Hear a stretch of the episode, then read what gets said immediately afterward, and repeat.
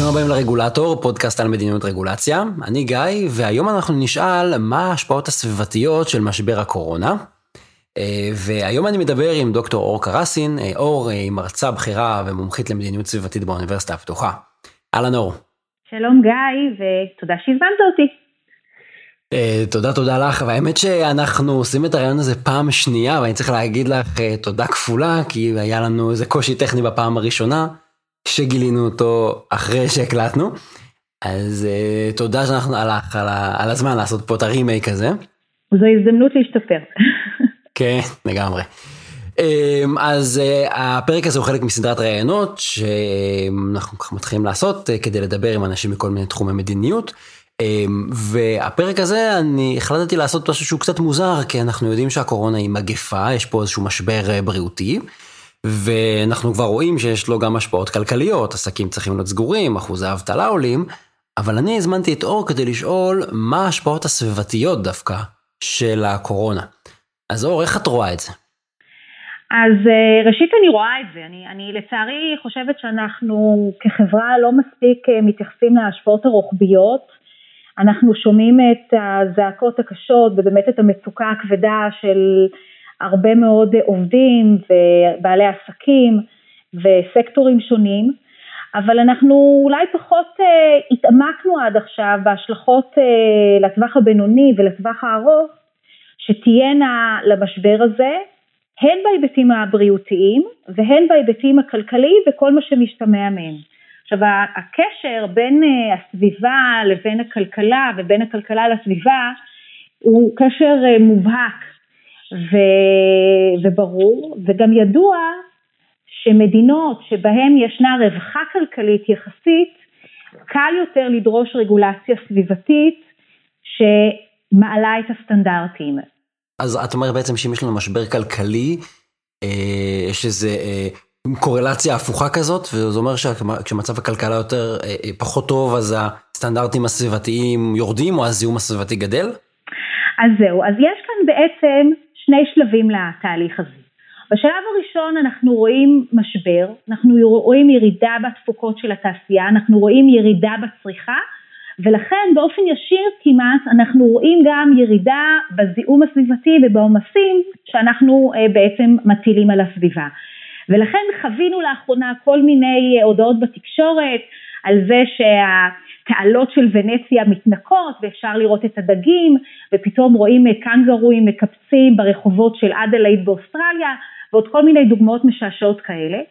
המציאות היא אה, בהרבה מקומות שאכן יש ירידה אה, דרמטית אה, בזיהום האוויר, אכן יש ירידה דרמטית בשימוש בחשמל, באירופה דווח על ירידה במרבית המדינות, ירידה ממוצעת של 30 אחוזים בצריכת החשמל, וכל זה יקרה בטווח הקרוב. בטווח הקרוב אנחנו נראה בעצם איזושהי הקלה לסביבה כתוצאה ממדיניות הסגל.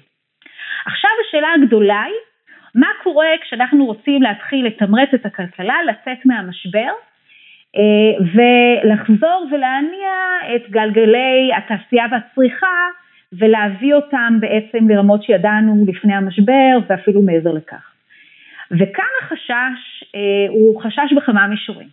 המישור הראשון הוא שאנחנו נראה מדיניות שהיא מדיניות אה, מתמרצת שלא לוקחת בחשבון שיקולים סביבתיים. ההיבט השני הוא שככל שעסקים הגיעו למצבים של מצוקה, הרבה פעמים הנושא הסביבתי נתפס כסוג של לוקסוס, או מה שנקרא הקצפת על העוגה, ואם אין עוגה, אז כמובן שמוותרים גם על הקצפת, אבל גם אם מחזירים את העוגה, אז הרבה פעמים הקצפת היא הדבר האחרון שאנחנו אה, רוצים אה, להחזיר. ובאמת במציאות הזאת שבה עסקים יצטרכו לעשות אה, דיאטה, ודיאטה חריפה, ולהפחית עלויות בהרבה תחומים, אז החשש כמובן הוא שהנושא הסביבתי יהיה הראשון להיפגע, ובנוסף לזה יש כמובן את ההיבט של המדיניות והרגולציה, שהוא מאוד מאוד מרכזי, והיא השאלה עד כמה המדינות אה, תעודנה על ההזדמנות הזאת בחלק מהמקרים ובמקרים אחרים תידחפנה למציאות הבל, הבלתי אפשרית הזאת שבעצם תדרוש מהם להקל בדרישות הרגולציה הסביבתית שלעיתים אכן מטילות אה, נטל אה, כלכלי אה, על אה, עסקים ועל תעשייה. אז יש כאן כמה מישורים שונים, ובאמת השאלה היא איך הדברים הללו יתפתחו. אוקיי, okay, עכשיו זה, זה דבר אה, היפותטי, תיאורטי, או שאנחנו כבר רואים היום ממשלות שמעניקות כל מיני הקלות ברגולציה הסביבתית שלהן? כן, אז זהו, שזה לחלוטין לא תיאורטי ולא היפותטי, רק חודש וחצי, אולי אפילו קצת פחות לזה, מזה, לתוך המשבר הזה בארצות הברית למשל, וה-EPA, שהיא הסוכנות האמריקאית להגנת הסביבה, הסוכנות הפדרלית, בעצם מודיעה ומוציאה ממורנדום, שהוא ממורנדום פדרלי שבעצם מהווה סוג של רגולציה מחייבת, שבה אה, הם מודיעים, או ה-EPA מודיע, שהוא מתכוון אה, להקל אה, ברגולציה הסביבתית בארצות הברית ובאופן קונקרטי בכל מה שקשור לניטור, ציות ואכיפה בתחומים של מים וזיהום אוויר של התעשייה. ו... ויש כאן אמירה מאוד מאוד גורפת שאומרת שה-EPA, הסוכנות האמריקאית להגנת הסביבה, לא תתייחס ולא תיתן קנסות למקרים של הפרות שניתן יהיה להצדיק אותן כקשורות לקורונה, לקוביד 19, ולמעשה יוותרו לתעשייה במקרים שימצאו הפרות כאלה ויוותרו במקרים שיהיו חריגות מרישיונות עסק ויוותרו במקרים שלא יהיו דיווחים עצמיים שהתעשייה מחויבת לדווח ו, אה, ולבדוק במעבדות ועוד ועוד. זאת אומרת ממש הנחיה גורפת שמקלה באופן דרמטי על האכיפה הסביבתית וזה דבר כמובן מאוד מדאיג. הוא קשור כמובן גם למדיניות של ממשל טראמפ באופן כללי שבמשך שנים כבר נוקט אה, במדיניות של לבטל אה, הרבה מאוד דברי רגולציה סביבתיים, למעשה מעל 100 דברי רגולציה סביבתיים בוטלו מאז ראשית ממשל טראמפ, וכמובן מעבר לביטול של דברי רגולציה יש גם הורדה של סטנדרטים כמו שאנחנו רואים ועכשיו גם הפחתה דרמטית באכיפה הכופה ובכל מה שקשור בהטלת קנסות על התעשייה במקרים של הפרת הרגולציה. אוקיי, אז אנחנו רואים שיש ממשלות שמתחילות לתת כל מיני הקלות ברגולציה הסביבתית. הקלות אה, ממש בדרישות, הקלות בדרישות דיווח, באכיפה. כשאני אומר למי שאני לא מתכוון לאכוף, אני בעצם מזמין את האנשים גם לא לציית. אני מאותת להם בעצם שזה בסדר להפר את הכללים. אני אגיד לך מה, מה השאלה שמתבקשת פה. הנושאים הסביבתיים, יש את הדברים, רובם הגדול לא, יוצא, לא יוצרים איזה פגיעה אקוטית. אה, זה נזק ארוך טווח, זה לא קורה כאן ועכשיו, אבל מה שיש לנו כאן ועכשיו זה משבר בריאותי, אנשים מתים בספרד, באיטליה, מתים אה, מאות אנשים כל יום, גם בארצות הברית. משבר הכלכלי, אנחנו פה מגיעים לשוברים שיאים של, אה, של בקשות לעזרה ושל אבטלה בארצות הברית, בישראל אנחנו מגיעים ל-20-25 אחוזי אבטלה. האם באמת זה הזמן לטפל בסיכון סביבתי רחוק שהולך להתממש עוד כמה עשרות שנים? זאת, זאת נכון שזאת שאלה מתבקשת, אבל היא גם שאלה שמשקפת במידה רבה, וזו שאלה שאני לא מאשימה אותך חס וחלילה בזה שהיא משקפת משהו אצלך, אלא היא באמת משקפת איזשהו הלך רוח שאנחנו שומעים הרבה פעמים, והוא נובע אה, מאיזה שהם הטיות, שלצערי כולנו לוקים בהם, אה, הטיות קוגניטיביות אה, שנחקרות אה, הרבה מאוד בכלכלה ההתנהגותית, יש אה, רשימה של עשרות הטיות כאלה שעד היום הוכחו במחקר.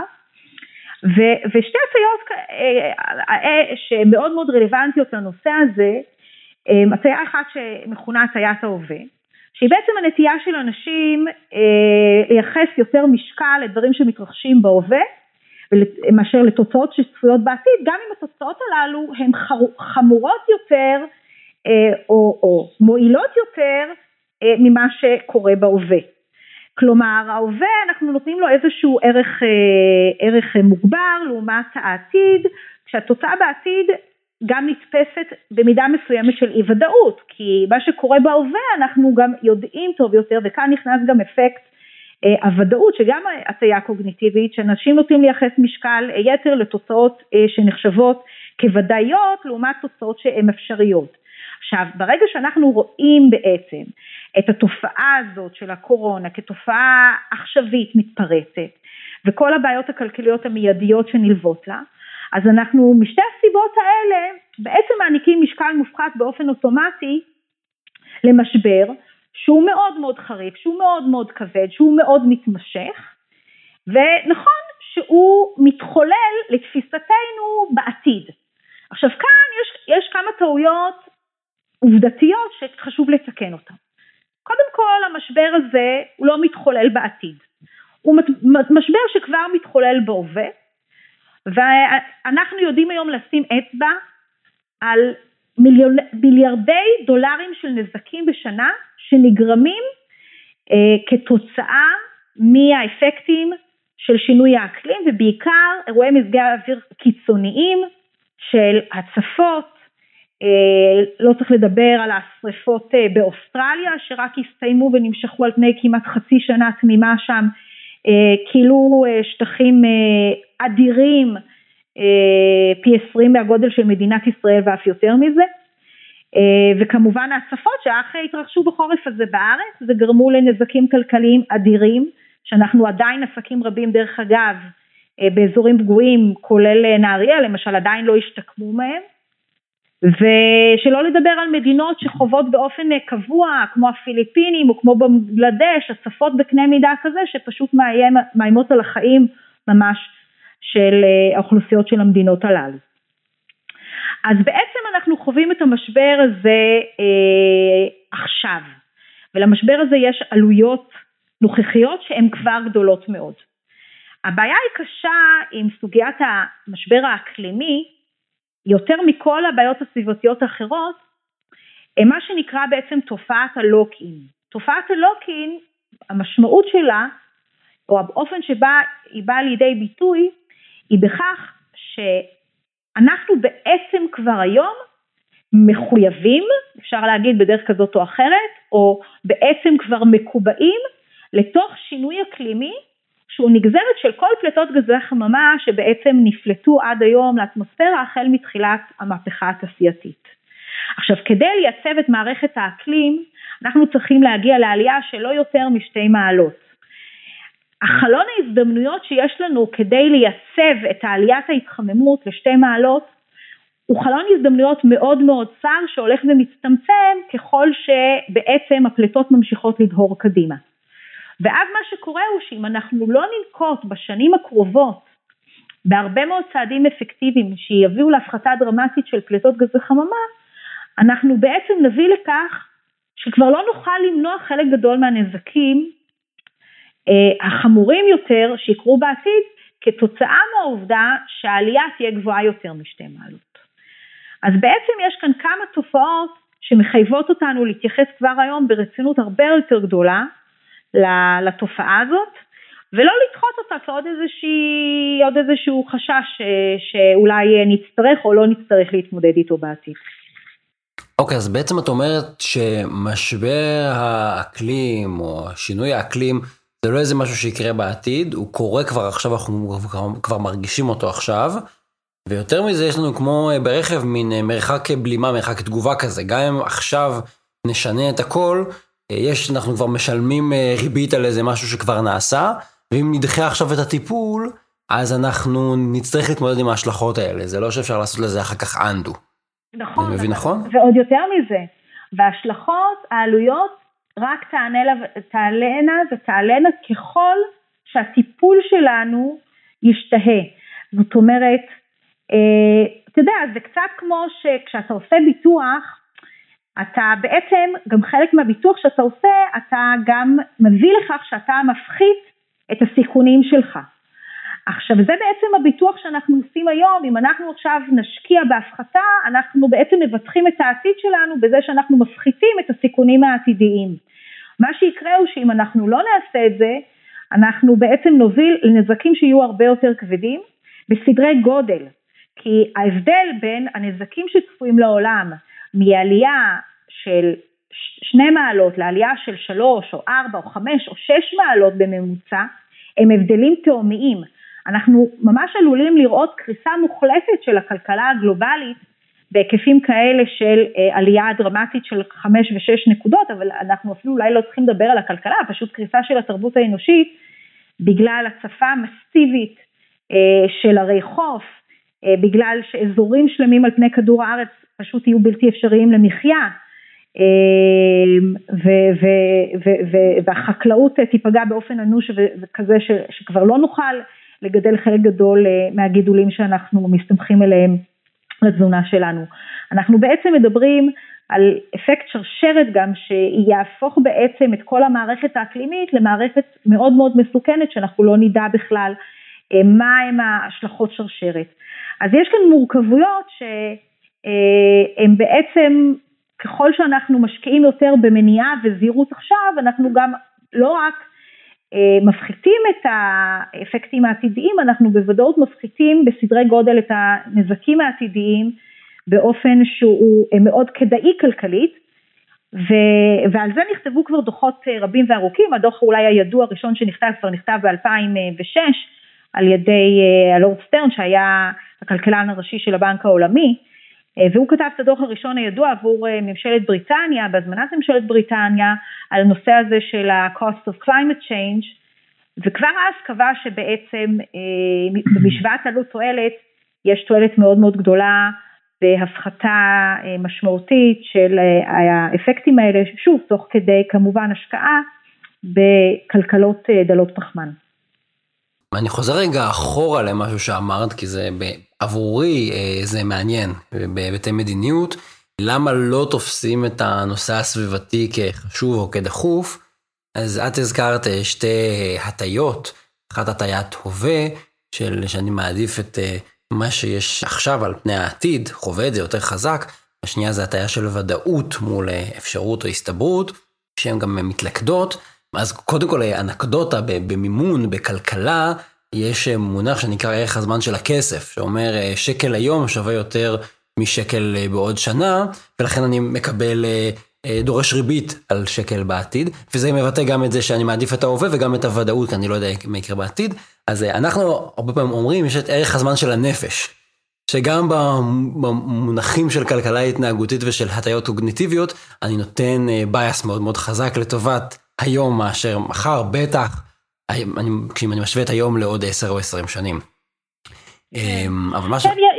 יש לנו כאן גם דבר נוסף, שזה מה שנקרא הצד השלילי של האופטימיות, the downside of optimism, ויש כזה, שבמקרה הסביבתי אנשים נוטים גם לאיזושהי אופטימיות, שבעצם מביאה אותם להאמין שיהיה טוב יותר בעתיד, שיש איזשהו סיכון נמוך לאירועים השליליים הדרמטיים שמדברים עליהם והרבה פעמים אתה גם חווה את זה בטוקבקים שאתה קורא לכתבות סביבתיות על זה שאנשי הסביבה הם תמיד רואי שחורות ולמה אתם מבהילים אותנו ולמה אתם תמיד אה, אה, פסימיים ו, אה, וכולי וכולי.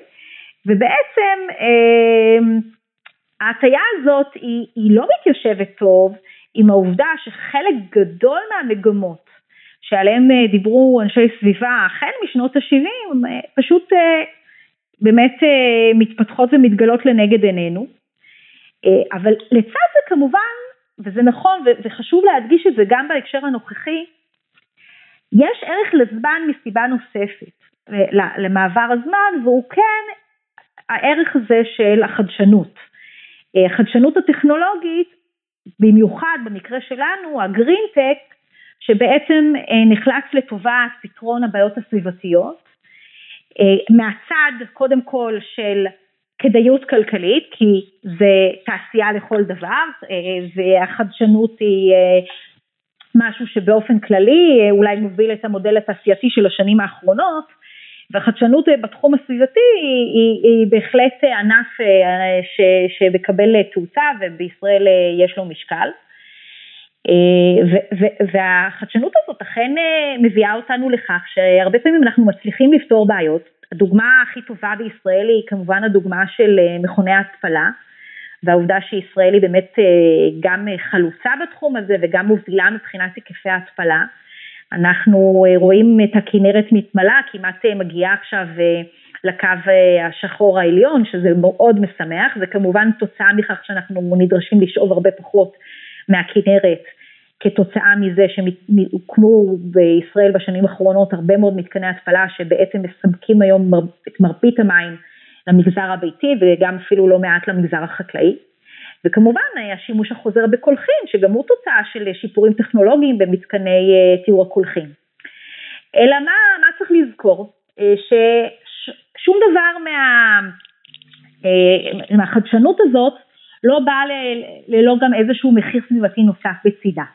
אז במתקני התפלה אנחנו יודעים שבעצם כל מתקן התפלה זה כמעט דורש הקמה של תחנת כוח, וכל עוד מקורות האנרגיה לתחנת הכוח ולהפקת החשמל למקורות פחמימנים, אז הנה אנחנו רואים בעצם איך זה שאנחנו משתמשים במים מותפלים מביאים לעלייה בפליטות של, בפליטות של גזי חממה, ואפילו אם אנחנו לוקחים את הדוגמה הקודמת של השיפור בטיהור מי הקולחין, היקף השימוש האדיר של ישראל בקולחין, אה, כמעט 97% מתוארים ונעשה בהם שימוש בחקלאות, מצד אחד כמובן הוא מאוד משמח, הוא תואם את המודלים שמדברים עליהם של כלכלה מעגלית, מצד שני הוא מביא גם לכך שחלק ממה שאנחנו מוצאים אה, בגידולים שלנו, אה, בעיקר בכל מה שקשור אה, למתכות כבדות והורמונים וכל מיני חומרים שמאוד קשה עדיין להוציא אותם מתוך המים המושבים במתקני ההתפלה, אנחנו מוצאים כמויות גדולות יותר מאשר אנחנו מוצאים במים שפירים. ואז יש לזה גם איזה שהן השלכות בריאותיות, אולי ארוכות טווח, אולי מאוד נסתרות ומאוד קשה לחקור אותן, כי יש כל מיני משתנים מתערבים, אבל בהחלט יש לזה איזושהי עלות, אז צריך תמיד לזכור את העובדה שיש שני צדדים למטבע של החדשנות. מצד אחד אנחנו פותרים בעיות, אבל הרבה פעמים אנחנו גם יוצרים איזה שהן בעיות חדשות שלא תמיד אנחנו עדיין לגמרי מבינים את טיבן. אצלנו קוראים לזה risk trade off, העובדה שאני בא לטפל בסיכון אחד, אבל יצרתי סיכון אחר, יצרתי חשיפה לסיכון אחר, אחת התופעות היותר חשובות בקביעה של מדיניות. אה, והרבה פעמים הדברים שלא רציתי שזה יקרה, היו לי כוונות טובות וקרו דברים אחרים, זה דבר מאוד משמעותי. כאן הסיכונים הם, הם למשל בנושא של התפלה זה סיכון ידוע, העניין הוא שיש כאן סדרי עדיפויות. אה, סדרי עדיפויות ציבוריים, סדרי עדיפויות פוליטיים, זה לא משנה איך נגדיר את זה, והיא אספקה סדירה של מים בכמות ואיכות סדירה לתושבי המדינה, בהחלט אה, יעד, אני מניחה שלא יהיו רבים שיחלקו עליו. אה, ולצד זה אבל מתן קדימות מאוד מאוד נמוכה לסוגיה של פליטות פחמן ושל בעצם, וזיהום אוויר, ויצירת משק שמסתמך על אנרגיות נקיות. ואז בצד השני של המטבע אנחנו לא רואים מספיק פעילות, בגלל שהנושאים האלה עדיין אה, לא קיבלו את אה, כובד המשקל אה, הציבורי, הפוליטי וגם הכלכלי שלהם. כן, אגב, יש פה עוד באמת, אם רגע אני מחזיר אותנו רגע לז, לזווית ההטיות, יש פה עוד שני דברים. אז דבר אחד, אני חושב אנחנו רגילים להסתכל על הטבע כמשהו שהוא שפיר.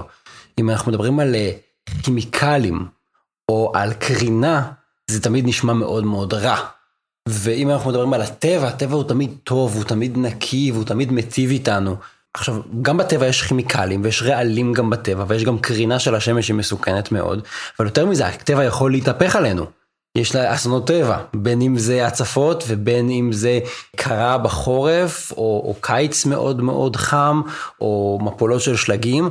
הטבע יכול להיות מאוד מסוכן, אבל אנחנו מסתכלים הרבה פעמים על הסביבה כאל משהו שהוא בטוח ומאוד מאוד נקי ומאוד מאוד אה, ניטרלי, ואנחנו מפספסים את העובדה שהסביבה יכולה גם אה, להיות מאוד מאוד רעה אלינו. אה, והדבר השני שאני חושב שזה ממש דוקר את הנקודה גם של זיהום אוויר למשל כתוצאה מייצור חשמל מול אספקת מים בנושא של התפלה, זה הטיה של בולטות, salience או availability, זמינות. אם יגידו לי עכשיו ימותו אנשים כי אין להם מים לשתות, זה מאוד ברור, זה, זה פיק מאוד מאוד גדול בגרף, אני רואה את זה, אני מרגיש את זה, זה מפעיל אותי. אבל כשאני מתרגל למשהו, אז אני נהיה קצת אפאתי אליו. אני זוכר שאמרת לי שכמה אנשים מתים מזיהום אוויר בישראל בשנה? כן, אה, זה נתון אה, ידוע, 1,500, וכמובן שככל שהאוכלוסייה גדלה, אז הנתון הזה הולך וגובר, בהנחה שאיכות האוויר בישראל לא משתפרת אה, באופן דרמטי. אה, כן, אז... מקומות, ויש מקומות שבהם ישנו שיפור. אה, במפרץ חיפה נרשם אה, שיפור מסוים בשנים האחרונות הודות לפעילות שנעשית בכל זאת על ידי המשרד להגנת הסביבה, אבל יש לנו גם אזור שלצערנו סובל גם מבעיית זיהום אוויר טבעית ומזהמים של חלקיקים שמוסעים מהסהרה, מצפון אפריקה, ומגיעים אלינו, וזה תופעות האובך האלה שאנחנו רואים, ובעצם לאובך, לחלקיקים האלה נצמדים אה, מזהמי אוויר שנמצאים באוויר, ואז אה, הם נכנסים לריאות שלנו והופכים להיות אה, די מסוכנים. הם מסוכנים שם וגורמים באמת להרבה מאוד תופעות שאנשים סובלים מהם, של קוצר נשימה ותופעות אחרות. אבל זה נכון מה שאתה אומר. בואי רגע נחזור לנושא שלנו. להשפעות הסביבתיות של משבר הקורונה, אז דיברנו הרבה על הבעיות וככה דיברת על הסיכונים. אז עכשיו מעניין אותי לשאול אותך, מה אפשר לעשות ברמת המדיניות, ברמת הרגולציה? כן, אז יש הרבה מאוד דברים שאפשר לעשות, אמ, אבל, אבל גם חשוב יהיה להבין את האופן שבו צריך יהיה לפעול בנסיבות הנוכחיות שהן נסיבות שממש משתנות לנגד עינינו ויש לנו בעצם כאן מטרה נאה. אה, במלוא מובן המילה, המטרה נעה במובן הזה של התשתית הכלכלית שהופכת להיות מאוד מאוד שברירית, מאוד מאוד, אה, עם הרבה מאוד חוסר ודאות. ואולי כמה מילים רק לפני שאני אדבר על, ה, על ה, מה, מה ניתן לעשות מבחינת כלי מדיניות ו, ורגולציה, אז לדבר על, ה, על הבסיס שבעצם עליו אנחנו נהיה ניצבים בתקופה הקרובה. אז ראשית, אה, ככה יצא לי אה, להסתכל על התחזיות שנותן לנו ה-OECD אה, בשבועיים האחרונים, ותחזיות הן מאוד מאוד מדאיגות, חייבים לומר, לגבי המשבר הכלכלי שצפוי, ניסה, ניסה ניתוח גם לגבי ה-G20 וגם לגבי מדינות ה-OECD באופן כללי, ישראל גם כלולה שם, ויש שם איזה שהן הערכות מאוד ראשוניות, שהן שונות מאוד מהערכות הראשוניות שניתנו כאן אה, בישראל אה, על ידי האוצר ועל ידי אה, בנק ישראל. הערכות שניתנו לפני כשבועיים על ידי האוצר היו כפגיעה של 2.5 אחוזים שצפו בתוצר הגולמי השנתי ובנק ישראל הגדיל ואמר שהוא צופה אפילו עד 7 אחוזי פגיעה. אה, זה כמובן כבר מוביל אותנו למיתון, אבל מיתון עדיין שהוא בגדר אה, כנראה הנשלט והנסבל. ואז אה, לעומת זאת ה-OECD מפרסם נתונים שהאמת היא שכשאני התחלתי לקרוא אותם אני חייבת לומר שאני בתחילה לא האמנתי למקרא עיניי. מה, למה? משום שהנתונים שבעצם מובאים שם אה, שוב עם כל מיני הסתייגויות וכמובן שאלה של עד כמה, כמה זמן המשבר יימשך בהיקף הנוכחי מבחינת מדיניות הסגר, מבחינת השבתה של ענפי תעשייה, אה, אבל ישנן שם הערכות שנעות בין 20 ל-35 אחוזים פגיעה בתוצר לשנה הקרובה. וזה כבר אה, רעידת אדמה שלא נראתה כמובן כדוגמתה אפילו אולי מאז מלחמת השנייה, העולם השנייה וגם לפני כן, אה, וזה דבר שיהיה מאוד מאוד אה, קשה אה, להתמודד איתו. ואז זה מביא אותי, ל, יכול להיות לסצנריו הראשון באמת של איזושהי, איזשהו שלב ראשון שבו אנחנו בעצם נראה הטבה במדדים סביבתיים, אנחנו בעצם נראה אך ורק כתוצאה מהפגיעה הכלכלית, מירידה, ירידה דרמטית בפעילות הכלכלית, בתעופה העולמית, שכרגע ירדה אה, אה, בעשרות רבות של אחוזים, במדינות מסוימים כמעט הושבתה, מושבתת לחלוטין, או עובדת בהיקף של כ-20% ממה שהיה בעבר אה, וכולי, התובלה הימית גם כן בירידה. אז אנחנו בעצם, יכול להיות שאנחנו נראה, נראה כתוצאה מזה איזה שהם שיפורים סביבתיים, אבל זה יבוא במחיר כלכלי מאוד כבד. וכמובן שזאת לא, לא המטרה, כשאנחנו מדברים על מהם הפתרונות של רגולציה סביבתית שתשמור על הסביבה, אנחנו לא מדברים אה, על פגיעה אנושה בכלכלה לצד זה. אנחנו כמובן רוצים לעשות את זה תוך כדי מזעור אה, פגיעה בכלכלה ואולי אפילו אה, שיפור המצב הכלכלי. ועד היום הדבר הזה, בנסיבות שהיו בעבר לפחות, כל בתשתית הכלכלית אה, הקודמת, הגלובלית, זה, זה הדבר האפשרי. כן, האמת שזה נשמע, זה נשמע מאוד מאוד סותר, כי כל הדיבורים זה איך רגולציה סביבתית פוגעת בעסקים, מעכבת הכלכלה. הגרין ניו דיל אמור להיות מאוד, מכה מאוד אגרסיבית לכלכלה. אז ה Green New Deal האירופי, שפורסם ממש לפני פרוץ משבר הקורונה, הוא בעצם היה חבילת התמרוץ הכלכלית, הסביבתית, הגדולה שניתנה אי פעם, שממצבת את אירופה כיבשת שמצד אחד תגיע לאיפוס של הפליטות הפחמניות בשנת 2050, ומצד שני אה, תביא לפריחה כלכלית מאוד מאוד גדולה, שתנבע מכמה, מכמה אה, סקטורים שונים, כמובן בכל מה שקשור לסקטור אנרגיה, האנרגיה שבעצם היו צפויות השקעות ענק בשינוי דרמטי של תשתיות, גם הפקת החשמל, גם התובלה של החשמל וגם אה, ההטענה של החשמל, כשדובר על מעבר של הכלכלה לכלכלה שמוטענת נקודתית, כמו שאנחנו בעצם אה, רוצים להגיע למצב שבו נוכל להטעין את המכוניות שלנו בהרבה מאוד נקודות למשל ברחבי הערים, לצורך זה צריך לפרוס תשתיות מאוד גדולות. פרויקט כזה הוא פרויקט שמן הסתם הוא תשתיתי, הוא מניע מאוד את גלגלי הכלכלה, הוא מעסיק הרבה מאוד עובדים, הוא מערב הרבה מאוד טכנולוגיות והוא בהחלט מביא לצמיחה כלכלית. עכשיו כדוגמה, כן, את הפרויקט הקטן הזה, אנחנו מדברים על, על, על חבילה גדולה בהיקף של עשרות רבות של מיליארדי יורו, שדובר על כך שהיא תביא לגידול משמעותי בסקטורים מסוימים, עם התבססות על הרבה מאוד הצלחות עבר.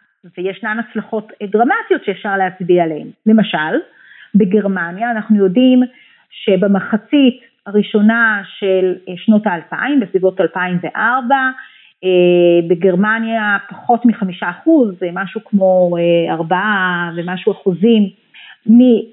סליחה, האנרגיה הייתה מקורה, האנרגיה המותקנת, ההספק המותקן, מקורו היה באנרגיה מתחדשת, ובשנת 2018 כבר 46 אחוזים אה, של כל ההספק המותקן בגרמניה מקורו באנרגיה מתחדשת, עם תוספת של מאות אלפי מקומות עבודה בשוק האנרגיה בגרמניה. אה, אנחנו מדברים גם על שוק הפסולת כמובן כשוק שוק המחזור, המיון, אה, יצירת חומרי גלם ממוחזרים. יכול אה, להביא להרבה מאוד אה, מקומות עבודה ומשרות, אה, וכמובן לתועלות סביבתיות גדולות לצד זה, ולתועלות גם של התייעלות ושימוש בחומרים, שזאת אולי נקודה שאני רוצה לגעת בה תכף, של כל מה שקשור לכלכלה המעגלית. אז בעצם אנחנו מדברים על תדמית מאוד לא נכונה שיש לנושא הזה של צמיחה ירוקה, הדברים אכן יכולים ללכת יחד ובצורה טובה, אבל חייבת להיות תשתית לכך, והתשתית שחייבת להיות היא, כמו שאמרתי קודם, איזשהו מצב של ודאות כלכלית סבירה. את אומרת כלכלה מעגלית, מה זה כלכלה מעגלית ו- ואיך זה קשור, איך היא יכולה אה, להוות פתרון לקשיים האלה? כן, אז הדרך הטובה ביותר אה, לתאר מהי כלכלה מעגלית היא בעצם לתאר אותה על דרך הניגוד עם המודל הכלכלי העכשווי שכולנו מכירים אותו, שהוא בעצם מתואר כמודל ליניארי. זה מודל שבו יש לנו קריאה של מחצבים והפקה, אה, עיצוב של מוצרים, הפקה של מוצרים, צריכה וזריקה, ובעצם בסוף העקומה הליניארית הזאת אנחנו צריכים לתאר בנפשנו איזשהו פח אשפה גדול שיושב ובעצם קולט את כל תוצרי הלוואי של אה, המערכת הכלכלית שלנו, וכמובן שזה בא לידי ביטוי בעומסים הולכים וגדלים על הסביבה, אבל בעיקר בעומסים הולכים וגדלים על חומרי הגלם הבתוליים ו, אה, ועל הקריאה שלהם, והרבה מאוד אובדן של ערך של חומרי גלם. עכשיו הכלכלה המעגלית בעצם מנסה לסגור, להפוך את הקו הליניארי הזה למעגל, בכך שהיא רוצה להביא בסופו של יום לאפס פסולת ולשימוש הרבה יותר יעיל במשאבי הגלם שלנו בדרך של אה, הפקה של חומרי גלם שהם חומרי גלם מוחזרים במקום הפיכת תוצרי הלוואי לפסולת. ועם חומרי הגלם המוחזרים האלה אנחנו יכולים בעצם לעצב ולייצר ולצרוך מוצרים חדשים שחלקם יגיעו לסוף החיים שלהם ויהפכו להיות שוב חומר גלם.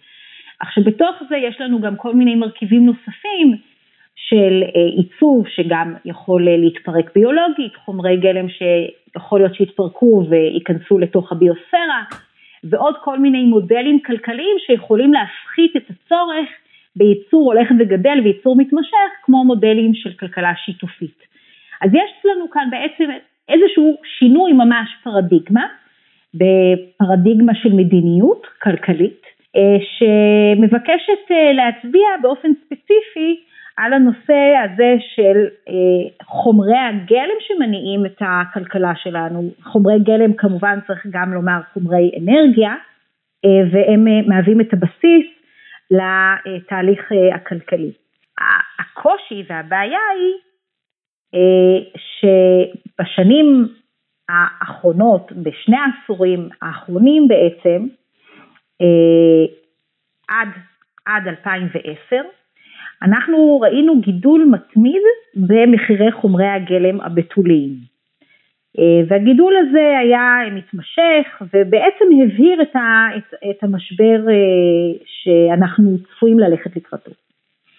אלא כשמסתכלים במיוחד על העשור האחרון ובמיוחד על השנים האחרונות בעשור האחרון, אז בחלק מהתחומים אנחנו רואים שינוי מאוד גדול של המגמה הזאת, אם למשל הצלילה הכמעט חופשית במחירי הנפט הגולמי, לסבר את האוזן, אם באפריל 2011 היינו בשיא של 112 דולר לחבית, אז היום אנחנו נמצאים בשיא, כמעט שיא שלילי של כל הזמנים של 22 דולר לחבית. זאת אומרת, בעצם חיתוך של אה, יותר מחמישית אה, בעלות, והנפט אה, הוא חומר גלם מאוד מאוד מרכזי, הוא גם משפיע על מחירי הפלסטיק הבתולי, הפלסטיק מיוצר מנפט, וגם המחירים של הפלסטיק בסך הכל נמצאים בירידה, ירידה הרבה פחות דרמטית, אבל עדיין ירידה של כמעט 30 אחוזים, קצת פחות מזה בעשור האחרון. אה, בסך הכל. אז אה, שני התנאים הללו גם יחד אה, וחומרי גלם נוספים שבהם אנחנו רואים בעצם תנודתיות פחותה במתכות ובעץ, אבל אם לוקחים את התמונה כמכלול, אז בהחלט השאלה היא איך אנחנו בעצם מביאים ומתמרצים שימוש חוזר והקמת כל התשתיות שנדרשות בשביל לעשות מחזור ושימוש חוזר בהרבה מאוד חומרי גלם, וכמובן גם תמרוץ היצרנים לייצר מוצרים שיאפשרו אה, שימוש חוזר או אה, מחזור בצורה טובה. אלה סוגיות אה, לא פשוטות שבהם יכולות להיות כל מיני, יכולים להיות כל מיני כלים רגולטוריים, אבל שוב גם צריכים להיות תנאי יסוד והוא איזושהי עלייה במחירי חומרי הגלם הבתוליים שבאים בעצם כאלטרנטיבה המיידית לחומר גלם הממוחזר. האפשרות הריאלית היא קודם כל הפנמה של עלויות חיצוניות. זה ברור שהמחיר של הנפט הגולמי היום לא משקף אה, אפילו שבריר מהעלויות החיצוניות של הנפט הזה. אנחנו דיברנו עד עכשיו על שינוי אקלים. והעלויות החיצוניות, אה, היום אפשר לכמת את העלויות החיצוניות של חבית נפט, אה, והעלויות החיצוניות האלה יביאו, אם, אם, אם הן היו מופנמות באופן מוחלט, הן כנראה היו הופכות אה, גם את מחירי הפלסטיק למשל להרבה יותר גבוהים ממה שהם היום, ובהכרח גם אז לכדאיות כבר ללא כל מאמץ נוסף לפלסטיק ממוחזר. אז זה, זה הכלי הרגולטורי אולי החשוב ביותר, הנושא הזה של בעצם הפנמת עלויות אה, באמצעות אה, אה, מיסוי. וכמובן שהפנמת עלויות יכולה להיעשות גם דרך רגולציה של פיקוח ושליטה, שמחייבת גם את התעשייה במקרים שלה, את הפליטות שלה אה, כמובן אה, או, או למזער מאוד או, או אה, לבטל, ואם לא אז גם לעיתים לשלם עליהם במתכונת של תשלום, כמו שמקובל בישראל למשל, וכל מה שכרוך בהזרמת שפכים לים. אוקיי, אז מין מס זיהום כזה, מס כן. או על הזיהום עצמו, או על ייצור של מוצרים, או ייצור ועיבוד של מוצרים מזהמים בעצם. זה בעצם הכלי הרגולטורי המרכזי שאת מדברת זה עליו? בעצם, זה למעשה זה השלב הראשון, כי, כי, mm-hmm. כי בלי זה אנחנו לא יכולים אה, להתחיל את התהליך. עכשיו כמובן שאם יש לנו התחלה של הפנמה של עלויות חיצוניות, שהם כל אותם הנזקים שהחומרים הללו גורמים, אה, ועלויות אמיתיות שיש, כי בסופו של דבר יש עלויות בריאותיות, לא צריך, אנחנו מדברים על אפקט, על אפקט ההתחממות ושינויי האקלים אה, כעניין שהוא גלובלי, אבל צריך גם לזכור את זיהום האוויר הקונקרטי והמיידי וכל ההשפעות הבריאותיות, כולל התמותה שהוא גורם בישראל. יש לזה עלויות אמיתיות, אה, כולל כאלה שניתן לעמוד אותם אה, במיטות אה, בבית חולים והצורך אה, בהגדלת תקציבי הרפואה המטפלת והרפואה המונעת. אז בעצם בהנחה שהייתה הפנמה כזאת, אז היינו מתקרבים לאפשרות לקיים כלכלה מעגלית, אבל בנוסף לזה, ללא ספק, עד שתהיה הפנמה מלאה, אנחנו גם צריכים לראות מערך הרבה יותר משמעותי של תמיכות מצד אחד, באותן תעשיות שהן עוסקות במחזור או מבקשות אה, לעצב ולייצר מוצרים אה, שהם מתבססים אה, על מחזור ועל אנרגיה נקייה. ובצד זה להסיר חסמים ומגבלות שבחלק מהפעמים הן גם רגולטוריות, כי למשל בסוגיית הפלסטיק הממוחזר יש עדיין קושי לעשות אה, שימוש בפלסטיק ממוחזר בכל מיני סוגים של אריזות שבאות אה, במגע עם מזון וזה משהו שבהחלט צריך לבדוק אותו הרבה יותר לעומק ולהבין האם יש אכן הצדקה בריאותית לזה ואם אין הצדקה בריאותית משמעותית ומוכחת אז יש מקום להסיר את המגבלות הללו. אוקיי, okay, אז בעצם אם אני רגע מנסה לסכם את זה ולזקק, את בעצם אומרת שיש פה שתי בעיות, נקרא לזה, הבעיה הגדולה שאת מדברת עליה זה שזול לי אה, לעשות את הדבר הלא לא נכון, למשל לעזור לי אה, לזהם, כי אומנם אה, אני קונה את חבית הנפט רק ב-22 דולר, אבל הוא יוצר זיהום נוסף ואני פוגע באנשים אחרים, גורם לתחלואה, גורם למוות, גורם לעומס על מערכת הבריאות למשל, והמדיניות צריכה להיות לעודד יותר שימוש משותף. למשל קורקינטים שיתופיים, שימוש חוזר, לקחת את אותו דבר ולהשתמש בשוב, או מחזור, לקחת את המוצר או את חומר הגלם, להעביר אותו איזה פרוסס אה, תעשייתי טיפולי ולהחזיר אותו אה, לשוק. ומה שאת אומרת בעצם שאם זאת האסטרטגיה, אם זאת המדיניות, אז הכלי הרגולטורי שלנו המרכזי צריך להיות אה, מיסוי של פעולות מזהמות כדי בעצם שמי שמזהם יפנים את העלויות שלו. אם אני קונה את חבית הנפט ב-22 דולר אבל מייצר עוד נזק של 200 דולר, אמ, אני מגלגל את זה לאנשים אחרים שאחר כך נושמים את הנפט הזה שהוא נשרף איפשהו, אני צריך לשאת בעלות הזאת, כדי שאני אה, אה, אפעל בצורה שהיא רציונלית ויעילה. אה, ואולי גם את אומרת לסבסד את מי ש... שתעשיות של קלינטק שהן יותר טובות. ואני חושב הבעיה השנייה שאת מעירה, שהיא מעניינת, אם הבעיה הראשונה היא בעיה של כשל שוק בעצם, מישהו מייצר החצנות, עושה פעולות שהן לא טובות אבל זה משתלם לו, ואנחנו בעצם צריכים לתקן את זה, אז כשאת מדבר, הבעיה השנייה את מדברת על נקרא לזה כשל ממשלה, כשל רגולציה. יכול להיות יש מקומות שבהם הממשלה, הרגולציה, חוסמות שימוש חוזה, חוסמות מחזור, אולי חוסמות גם קלינטק, אנחנו צריכים לעשות בדק הבית של המדיניות הממשלתית ולוודא שהמדיניות הזאת היא לא מחמיצה את המטרה או לא גורמת נזקים בפני עצמה.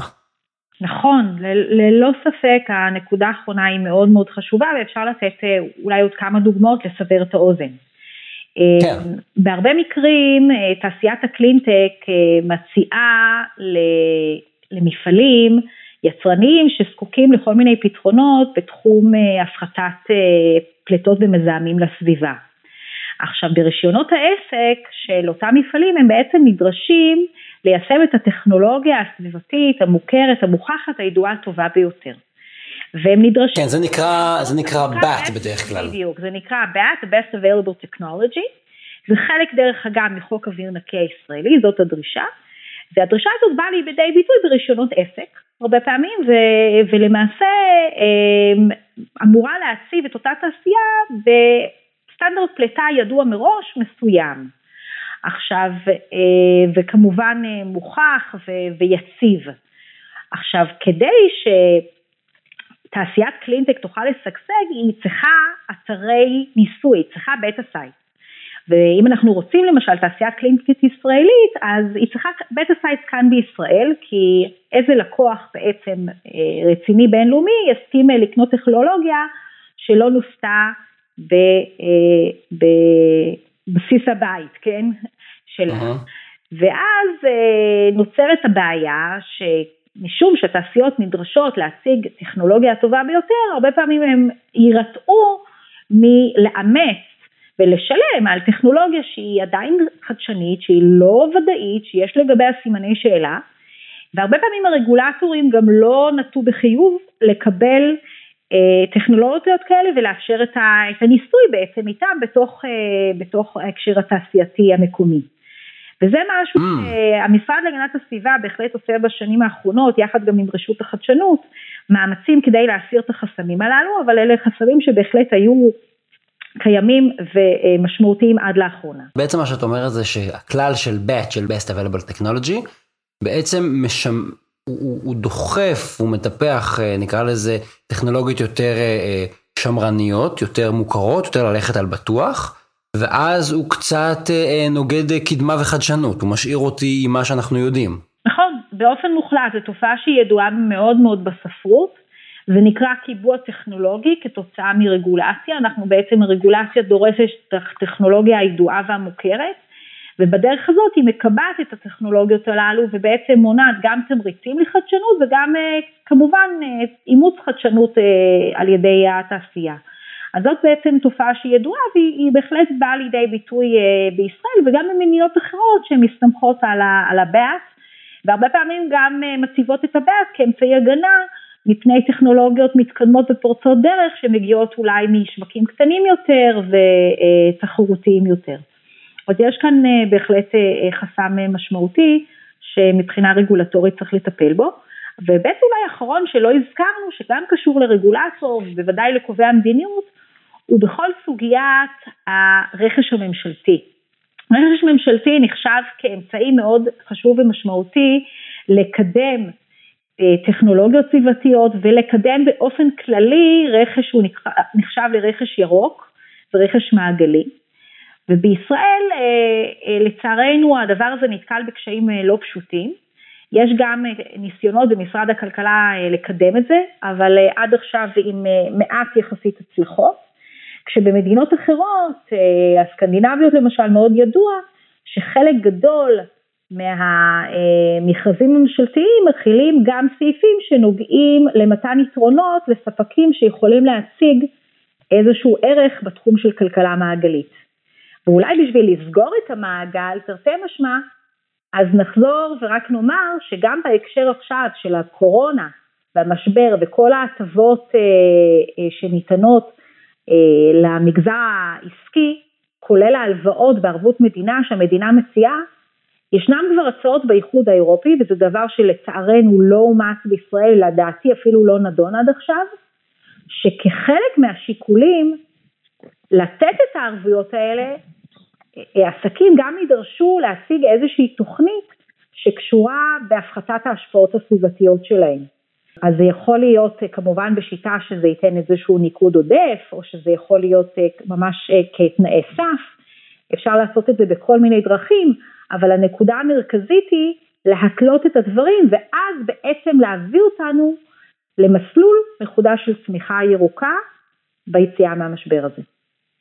אוקיי, okay, אז הנה יש לנו גם uh, ניתוח טוב של הבעיה, גם uh, מדיניות שלאן אנחנו רוצים להגיע, וגם את הפתרונות הרגולטוריים או הכלים הרגולטוריים שאנחנו יכולים uh, ליישם. נראה לי שבאמת הקפנו את זה וסגרנו את המעגל. כולל הכלכלה המעגלית. הזכרנו פה קיבוע טכנולוגי עם הכלל של הבת, אז בפרק 49 דיברתי על תקני תהליך ותקני ביצוע, ואיך תקני תהליך הם הרבה פעמים אה, גם חוסמים אה, תחרות, גם משמרים ומקבעים אותנו לטכנולוגיה מאוד מאוד ספציפית ולא מתמקדים בתוצאות. אז מי שרוצה אה, לשמוע הרחבה על זה ועל ההשוואה בין שני הכלים האלה, מוזמן לשמוע, פרק 49. אור, תודה רבה לך על השיחה הזאת. היה מאוד מאוד מעניין, הקפנו פה באמת המון דברים, יצאנו מהקורונה להשפעות סביבתיות, מה קורה באירופה, בארצות הברית, כל, כלכלה התנהגותית הגענו, אפילו בסוף לכלכלה מעגלית. אז תודה רבה, היה מרתק. תודה לך, גיא. זהו, אז ותודה לכם שהאזנתם לעוד פרק של הרגולטור. אתם מוזמנים לעקוב אחריי באפליקציות השונות, כמובן גם בבלוג וגם בפייסבוק, יש בפייסבוק דיונים מאוד מעניינים בעמוד שאנחנו מקיימים. תודה רבה ליותם רוזנטל על עריכת הסאונד, התכנים משקפים את דעותיי בלבד.